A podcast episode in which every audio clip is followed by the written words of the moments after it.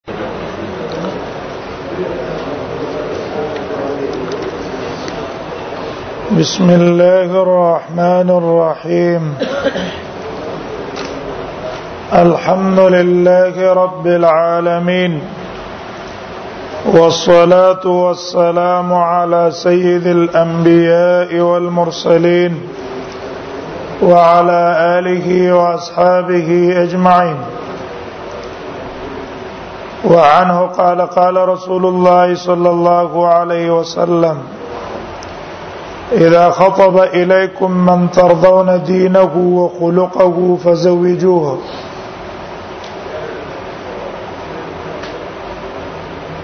د ابو هريره رضي الله عنه نه روایت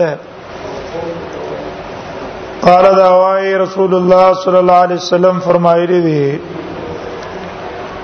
اذا خطب الیکم من ترضون دینا کله چې خطبه در اولیږي الیکم تاسو ته من ترضون دینه هغه څوک چې تاسو خو خوي دا غدینه یو تن دی دیندار دی هغه راغله کې دوستانه مطالبه وکړه استاد خور یا استاد لور اگر که غریب دی خو دیندار دی او خلقه تاسو خو خوي دا اخلاق خا اخلاق والا انسان دی خا عادت والا انسان دی فزوجو نو تاسو ورکه اغلره په نکاح دا خپل مولیه دې په نکاح ورکه الا تفعلوا کتا سودا کار نکاو مانا خصو علم نور کولا صرف مالدار په سم ګرځولا تكون فتنه في الارض نیوشی به فتنه پس مکه کې او فساد او فساد بشي عریض پلنا عریض معنی خور ور وای ولې به ډیر الکان با غیر د خزونه پاتې شي او ډېر خزي به په غیر د خوندانو نه وي او دا سبب دی د پاره د خورېدلو د فتنه او دا فتنه سبب د فساد دی ځکه اکثر قتل او قتال او جنگ جګړې په سر راځي هم به خزو باندې راځي دینا فتنه او شرونه پیدا کیږي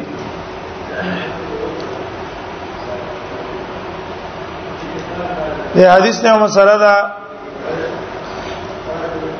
هغه ته ویل کی کفاءت د اتفاق ته د علماو چې په خزه کې کفاءت معتبر نه ده سړی کولای شي چې مسلمان سم نکاح وکړي او که مسلمان نه و کتابي و هغه سم نکاح کولای شي يهودان یا عیسایانا هغه کتابي نه و وسنی و یا دهریه و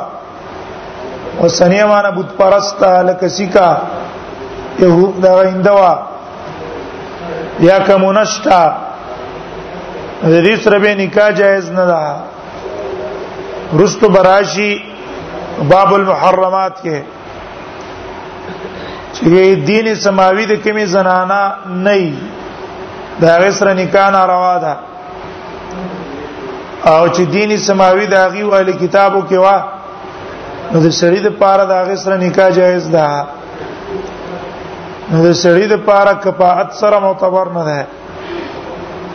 په خزه کې د سړي د پاره کفاعت معتبر نه ده سړی را لګي چت نه سب والا کوي خطه نه سب والا کوي مسلمانه کوي کافره کوي ان انده وا يهودانه یا عیسایانه دا ولا جائز لیکن د خزې د پاره په سړی کې کفاعت شرط ده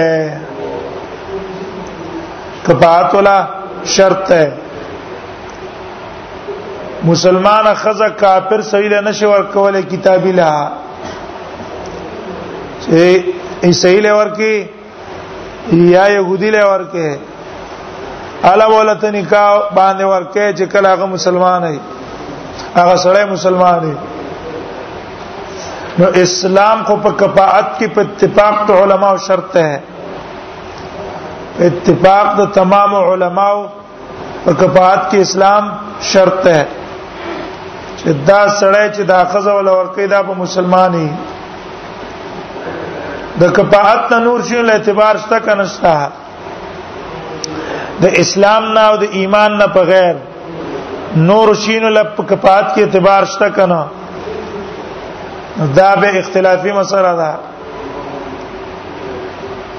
د جمهور علما او مذهب دا ده حنابلہ او شوافع او د احناف چې په کفاعت کې څلور شي نه معتبر دي اول اسلام دویم نسب دریم حرفت سلورم نمبر مال دا څلور شینه په کفات کې معتبر دي اسلام نسب حرفت مال اسلام خو اتفاقی خبره ده نسب کې دی وی قریشی خزه بغیر غیر قریشی سیل نه شي ورکېدل عرب بغیر عرب لنه شي ورکېدل اوچت نسب والا به دني نسب لنه شي ورکېدل او حرفت کې اوچت کار کسب والا د دني کار کار کسب لبنشي ور کېدل یو تن را لګي حجامت کې نه یې ده دا هغه حرفت خطه ده اغلب اوچت حرفت والا خزا او یا چې پلار او د ترونو حرفت اوچت ته هغه بنا ور کیږي دا رنګه مالدار خزه به غریب لنه ور کیږي نو په دې څلور شنه کې کپات دی څه وای او تبر وای ظاهری دلیل دې سمجھتا صرف حدیث د علی باندې استدلال نه ولا رضی الله عنه چې رسول الله صلی الله علیه وسلم فرمایي ثلاثه لا توخر وې درې شي نه دي چې برست کیږي نه یو پای کې دی ول ایم اذا وجدت لا کفا یو خزه د خاوند نشتا او دا غي کو پیدا شو او تانه غواړي نورستو کې بینه ول ور کې وه وګوره کوفه نه ویل دویم قول د امام مالک ده او دا رائے د امام بخاری رحم الله هم ده او دا قول له د حدیث علما هم او دا راجح ده چې کفاعت صرف دین کې معتبر ده نسب لا حرفت لا مال لا اعتبار نشته چې سړی مسلمانو دیندارو اگر که غریب ده تولا دا مالدار جنې ورکول شي یو دلیل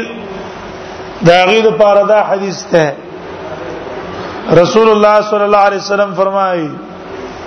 اذا خطب اليكم من ترضون دينه وخلقه فزوجوه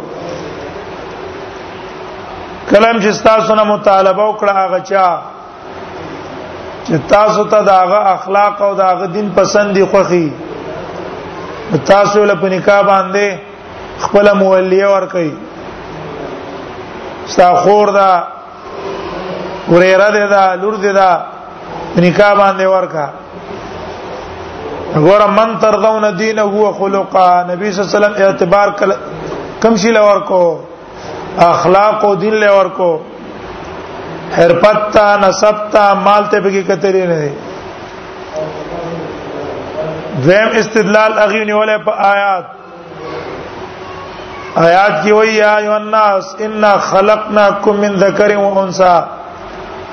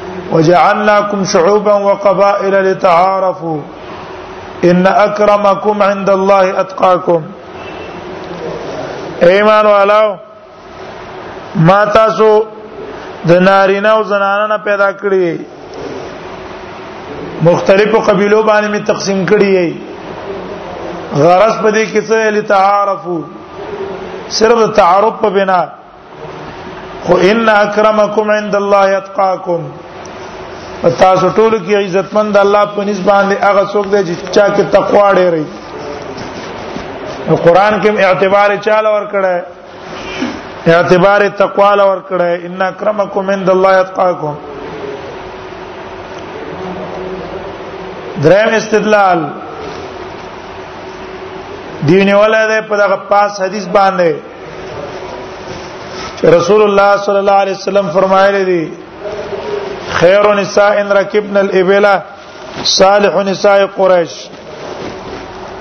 رسول الله صلی الله علیه وسلم دا حدیث امت ته بیان کړی دی په معرض د ترغیب کې چې نکاح کوي د قریشیو خو ځنه نکاح کوي نو قریشیو سره د نور چا نکاح نه کېدلای رسول الله صلی الله علیه وسلم به ترغیب نه ورکوله سلورم استدلال نه ولا ده او حدیث باندې چې رسول الله صلی الله علیه وسلم په حجۃ الوداع کې خطبه ویلې و اے خلکا تاسو د آدم علی السلام نه پیدا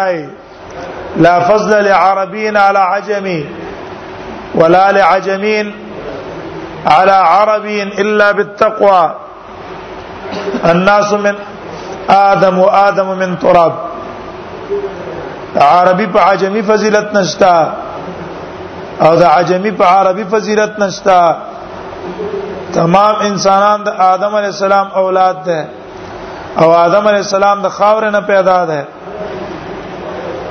صرف فضیلت په تقوا ده بل استدلال نه ولا پدې رسول الله صلی الله علیه وسلم مقدام تا مقدام تا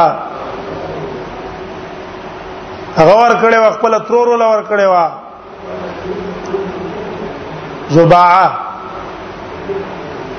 هغه ولا په نکاح ور کړی و نو حلال چې حلیفو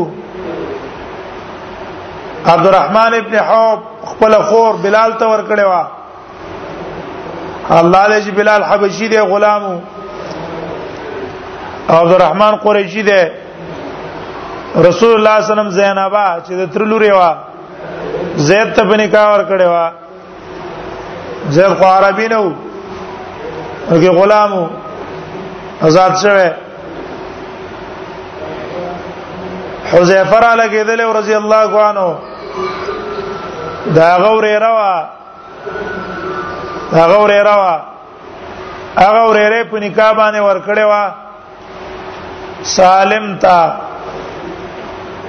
او سالم ایرانی وو اصفهان علاقه وو او نکاح باندې قریشی ور کړه وا هغه چرته کفاعت معتبر وې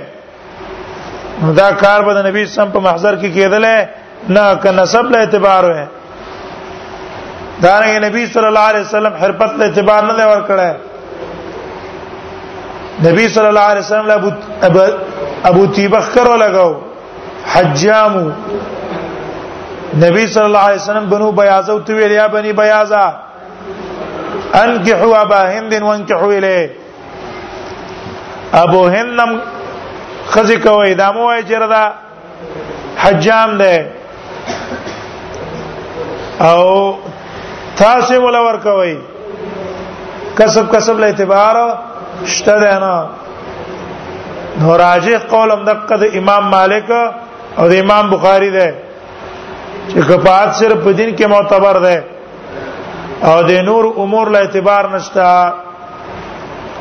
اذا خطب اليكم من ترضون دينا کله چې مطالبه وکړه تاسو نه هغه چا ترضون دینه او چې تاسو دا غ دین خو کوي او دا هغه اخلاق خو کوي نه فزوجو دا خور لور له پنیکا باندې ور کوي کوم نکړه ویلا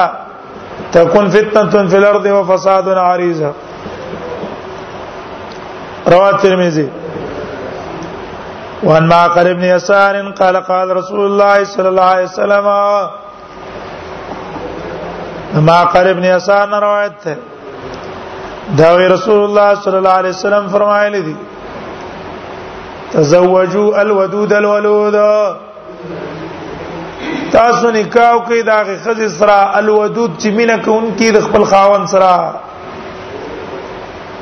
او الولود بچی ډیر راوړي دیکم ترغیب ته او بیان صفات الزوجه خزه چې کینو دي صفات والا خزه وکا الودود الولود ودود هغه ته وی چې مینا کوي د خپل خاوند سره او ولود چې بچی راوړي ولیک ودود نه وا د خاوند سره دا دلالت کوي په فساد د فطرت ته دی دې فطرت خراب دی ځکه د خاوند سره نه کوي مینا محبت نه کوي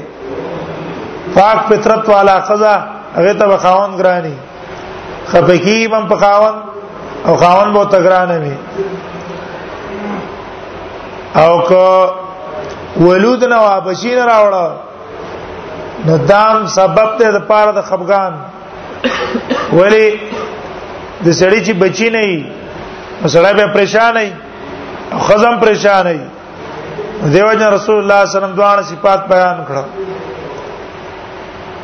زابه د کوم ځینه معلومه چې را د اخذ ودود الولود ده اخذ ودود ولود به د کوم ځینه سره معلوم کی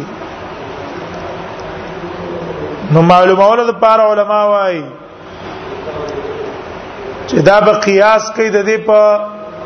اقاربو ځکه خوینه د خپلوان یو بل ته نقل کیږي آثار الاباء تظهر فی الابناء د پلارانو آثار او خوینه په زامنو کې ښکار کیږي غرق را نقل کیږي ابانجی تا نبی صلی الله علیه وسلم استو خان څنګه دی ویرا دا سری وی برک پکشتا وی او ان فی لورق ان فی لورق ډیر برګان دی پکې وی دا پکې کم ځای نه راغې وی کې دې چې د پلارانو کې تور برک تیر شوی لا الله يرقى النزع استاد عظیم چې تور دی خو ستا په نګونه کې هم تور تیر شوی کنه ولې ته انکار کوي د ځان نه د حدیث نه معلوم شو چې د پلارانو خوینه او عادت څه کیږي دارا نقل کیږي نو قیاس په یو کې د دې پتروریانو خويندو هغه چې ودود الولود وي دغه خوې په دې کې مرانه نقل کیږي دا بم څه وی ودود الولود به تزوج الودود الولود فإني مكاثر بكم الأمم زګه زو فخر کوونکم په ډیروالي تاسو په امتونو مکاثر معنا څه ده مفاخر بسبب کثرتکم په ډیروالي تاسو په ټول امتونو زه فخر کوم نور انبیاء ته به ویما زما تابعدار ډیر دي زما تابعدار به ال ډیری چې تاسو راوړی ډیر کنه چې داسې خزمو کې چې بچی ډیر راوړي بچی بم ډیری بچیم چې ډیر شوز ما تابعدار به ډیری فإني مکافر دا پیدا یو د نکاح دام شو چې نکاح سبب ته د پاره ده او باحات النبی د نبی صلی الله علیه وسلم د فخر د پاره سبب یو ذریعہ ده فإني مكاثر بكم الأمم رسول الله صلی الله علیه وسلم په چا فخر کوي دا غره په بدعمله پورډرانو باندې فخر نه کوي چې بس بدعمله دې ګرځي نه د دین نه خبره نه د شریعت نه خبر نه په امت کې او په هغه افراد باندې فخر کوي چې هغه تابع دي دینه او رسول الله صلی الله علیه وسلم د سنتو تابع غرض دلته په دې اشاره کې دام شو فإني مکاسرون کې بچي راوړل نه دي داغي تربيت ته بچي چې راوړل د بچو تربيت پکې در پاره چې رسول الله صلی الله علیه وسلم فخر کول پاغي باندې څه چی هغه باندې رسول الله صلی الله علیه وسلم فخر کول صحیح چی فإني مکاسرون بكم الامم زه په تاسو باندې په ټول امتونو فخر کوم په ورځ د قیامت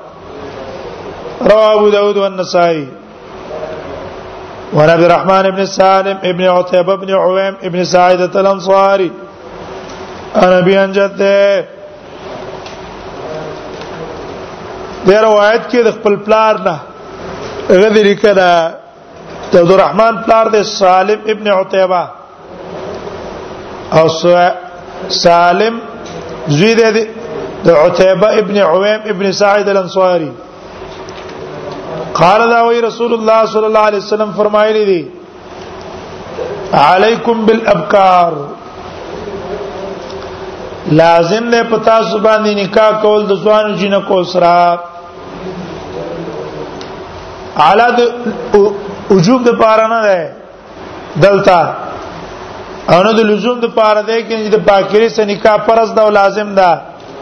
او کچاو سره نکاح اونکړه دا ګناګار ده نه علیکم دلته ده ترغیب د پاره ده د ترغیب چې تاسو نکاح کوي الابکار د ځوان جنہ کو سره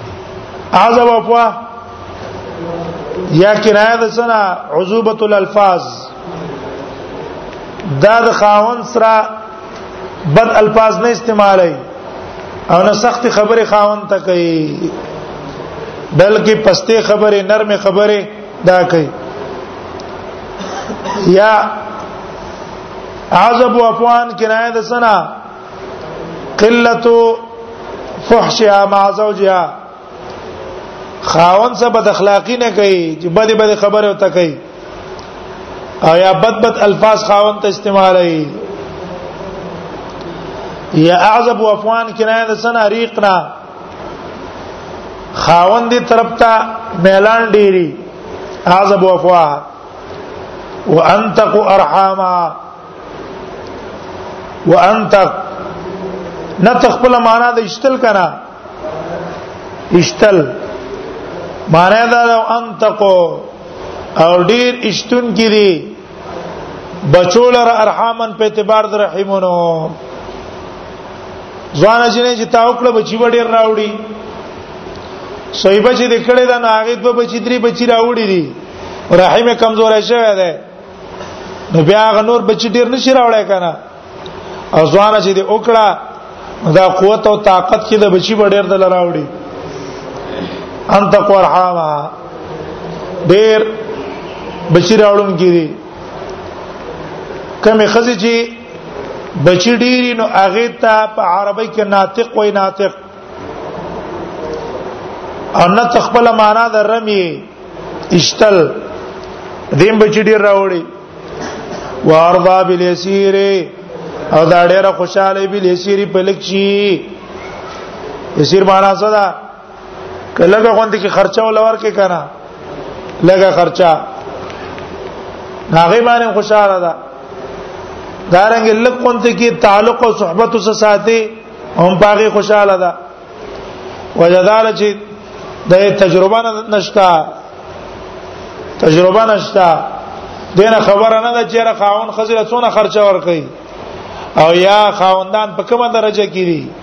دینه خبره نه ارضا بالیسیر معنا دا شوه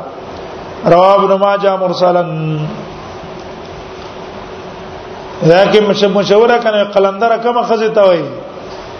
چې دوه درې خاوندانو کې داغه نه قلندر ساز شي ولې ته قلندر ساز شي ځکه تجربه ډېره وشي ایاله یو خزه وای دماغ کې لک پرقو هغه به وي هر یو تن به وي جره بس وای خزه مو وز ما خاوند ده او سړی به وز ما خزه ده نور څه خبر نه دی نو پته وي سړی ته اله ولګي سړی په درې خزيو کې او خزم یو خاوند و خاوند و کې دوه درې خاوندانو کې نو بیا ته پوره پته ولګي دا عرض ابل یسیر ساده د څه پویږي نه بلکې شي خوشاله ده رواه ابن ماجه مرسلا ابن ماجه دا روایت مرسل نقل کړه ہے او مرسل خو هغه ته وي چې په منځ کې تابعی کنا صحابي غرزه ده لای دلته خو د خپل پلار ذکر کړی دی کنه عربي ان جد ده عربي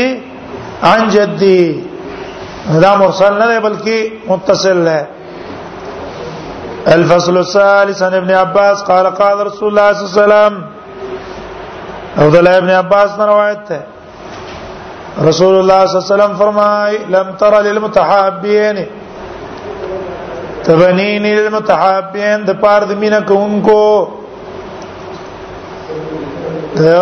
وصلت داغي د مینې د پاره د دوام د مینې داغي د پاره مثل النکاح په شان ته د نکاح د حدیث معنا څه ده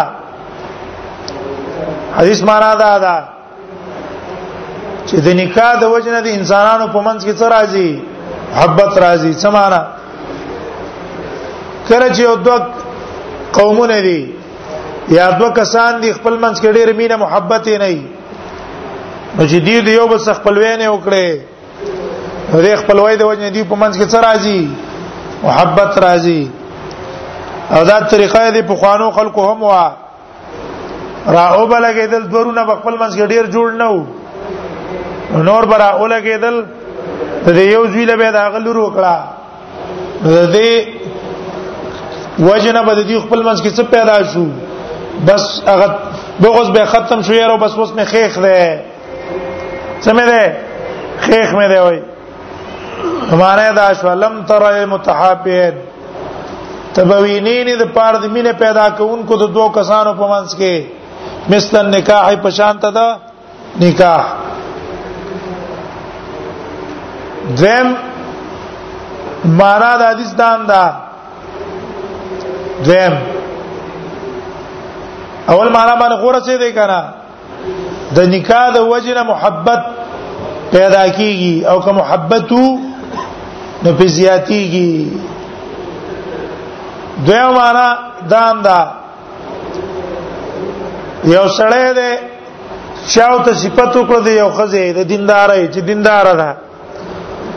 د پزړه کې د هغه سره دینداري د وجه مینه پیدا شوه او هغه خزه تم چا صفات وکړه دی یو الکه چې دا الک ډیر دیندار سړی دی او دا هغه په ځړه کې هم د سرمینه پیدا شو نو اوس د دې محبت د زیتوای د پاره او د دوام د پاره د نکاح پرنګ بل شي نشتا چې دا سړی را ولګي دی خیسه نکاح کی او دا خزه د الک سره نکاح کی د دې نکاح د وجه به دا محبت د دې وسه شي دا به دایم شي مثلا نکاح یا ولک ده اجنه خوخه ده اجنه مغالق خوخه ده نو د دې محبت په بس باندې دائم پاتې شي دا په نکاح باندې پاتې شي لم تر المتحابين تبوینین د پاره د دوه مینه کونکو د یو بل سره په زیادت زیاتولو د محبت کې او په دائم ساتیدلو د محبت کې مثلا نکاح په شان ته د نکاح نکاح پر بل شی بوله پیدا نه کې دې باندې دوام د نکاح راځي ته محبت راځي او زیادت محبت هم راځي وهنا حسین هم بیا استاسو شکم نه غلي کړی دي اذا حب رجلا امراه وعاشق بها عشق د زنانو سره یا مینه د زنانو سره وردا مرض دی مرض دا طبيبان اختلاف دی پورا مرض دی کنس په مرض دی خدا پورا مرض دی پورا او دا سي مرض دی چې انسان د څنو باسي ارڅنه وباسي طاعتونه او د دین او د ارڅنه وباسي دیو جن پردو خود سره تعلقات او مینه ساتله دا نه دی کول پکار که سړی په مبتلا شو دعاګانې د الله نه کوي دعاګانې هغه محبوب سره تعلق نه ساتي په طرف دینه ورزي تعلقات ته سره ساتي عفت په ځان کې پیدا کی دې د وجنه به الله سکی خبره ختمه کی وعن ابي امامه عن النبي صلى الله عليه وسلم انه يقول وعن انس قال قال رسول الله صلى الله عليه وسلم دا انس نے روایت تے رسول اللہ صلی اللہ علیہ وسلم فرمائے من اراد ان يلقى الله طاهرا چا چې اراده چې ملاقات کو کې ده د الله تعالی سره ان يلقى الله معنا صدا ملاقات ورځ د قیامت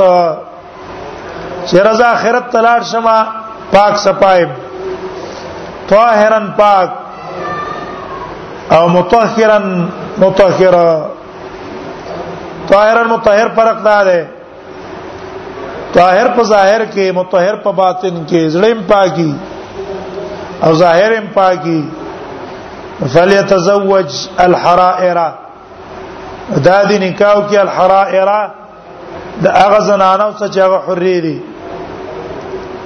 ولې د عربو په وخت کې حرې خزه د نبی سم په زمانہ کې او د عربو په زمانہ کې به حره پاکه وا هغه به بدکارای نه کوله او دا به بد غنل نبی صلی الله علیه وسلم چې کله د زنانو نه فتح د مکه کې بیعت غستلو پاکه هندم وا وجدا بیعت واغستو چې ولا یزنین زنانه با زنام نه کوي نو تویل اې د الله نبی او تزن الحره حرم کې نه زنا کوي غیب ده حره خزه د عیوب نه ځان څه کوي پاک ساتي او اما په پاغه ټیم کې په دې مرزونو کې مبتلا وي انځي وي دویمه حره محفوظه ده کور کې دنه محفوظه ده د چا خدمت پنهشته نه د چا خدمت کوي او انځه چې کما ده ناغه په خدمت د مولا کې لګیا ده کارونه په سيزي بار ته ګرځي را ګرځي نو پاغي کې پاکي کمې په نسبت ته حرو نو دیو جن رسول الله صلی الله علیه وسلم وی چې د حرو سره د نکاح کی او د اماو د نکاح نه د ځان وساتي فلتزوج الحرائر حرو سره نکاح وکړه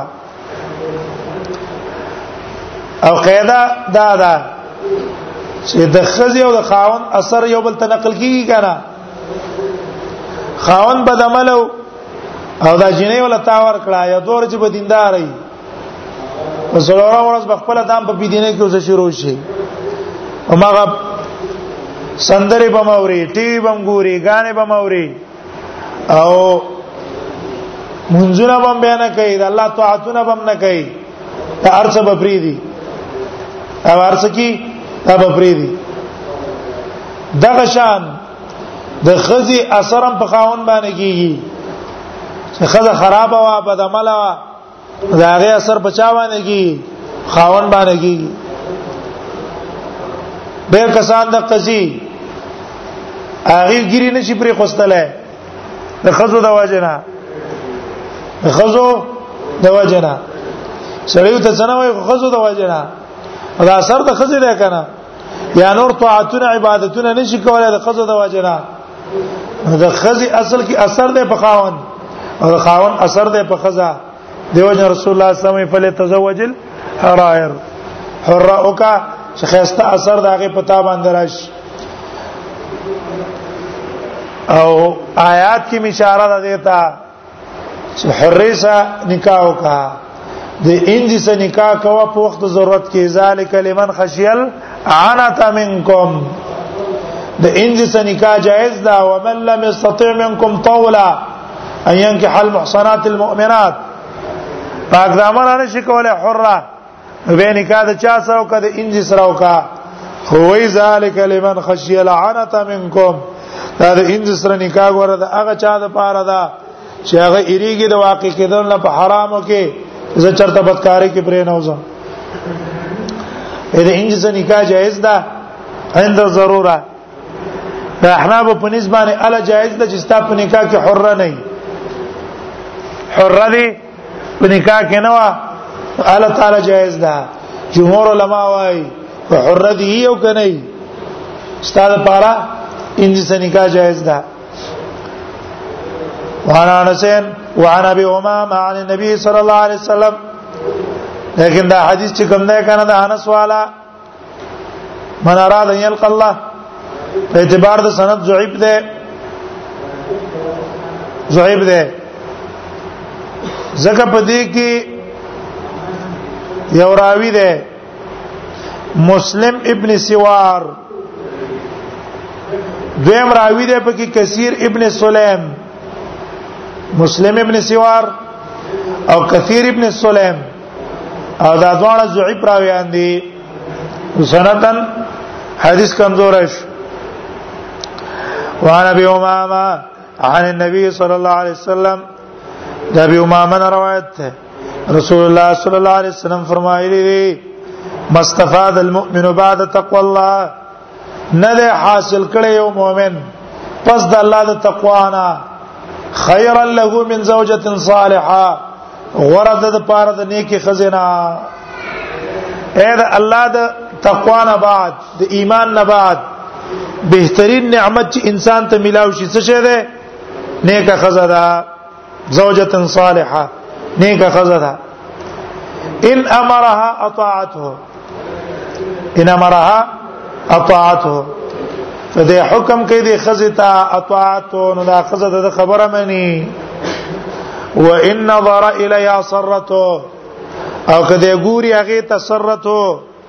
خوشحالي دلرا نظر کول هغه ته چې ته وګوري بس دې خوشاله شي زګه دا غي کردار دا هغه عمل دې په خوشاله شي جره دا دیندار ده و ان اقسم عليها برته او کله قسم کی په دې خزا برته نو دا خزر علیږي بریکې دلرا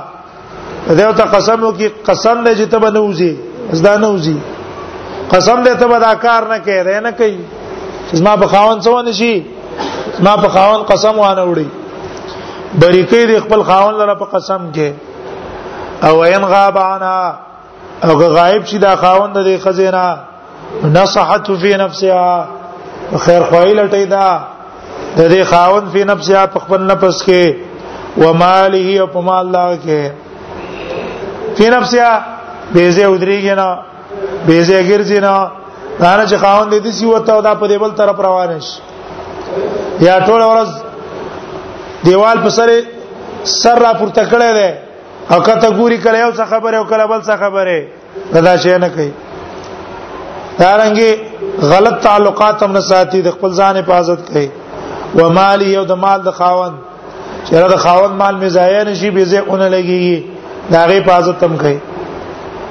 رواه ابن ماجه الاحاديث الثلاثه ابن ماجه دا دریوان احادیث نقل کړی دي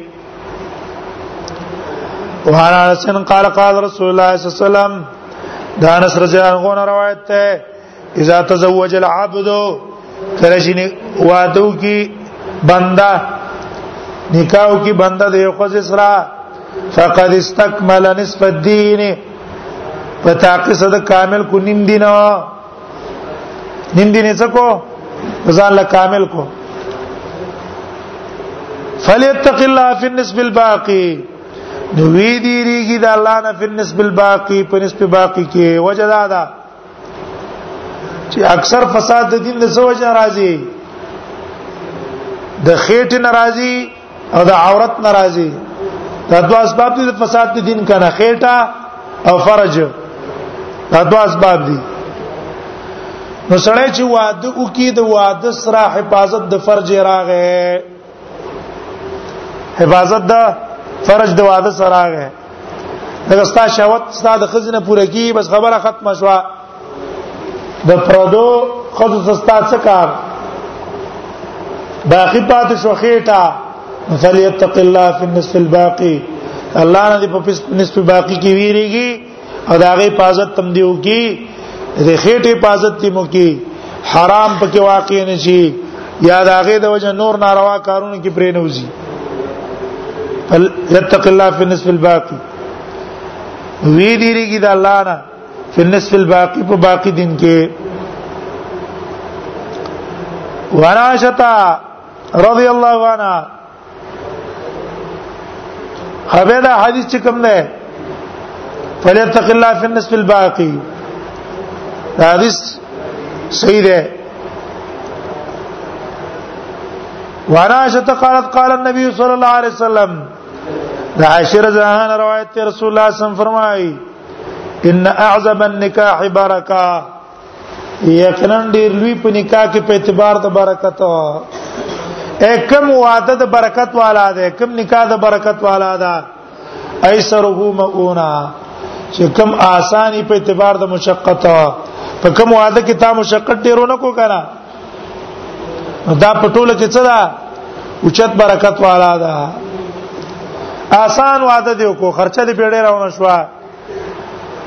دی کی برکت ډیر ده ایسر هو مؤنا وجدا ده چې سره وعده او کې په ځان قرضونه واړی دا به د واده په دغه په خوند او د واده په پیدا به څه پوي شي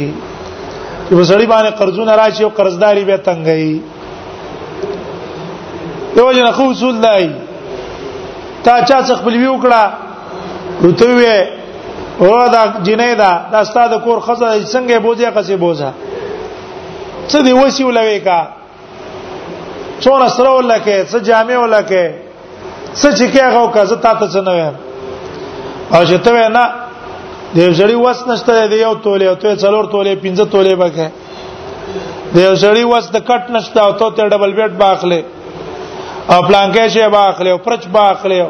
ارماری باخله او پلانکې شی نه باخله دا وس نشته نو ټیک دا په مجبورۍ دی په وکړه نو سبا چې لاړو دی نکاح به څه خوندي دته به څه پیدا یو خسته به څه پیدا یو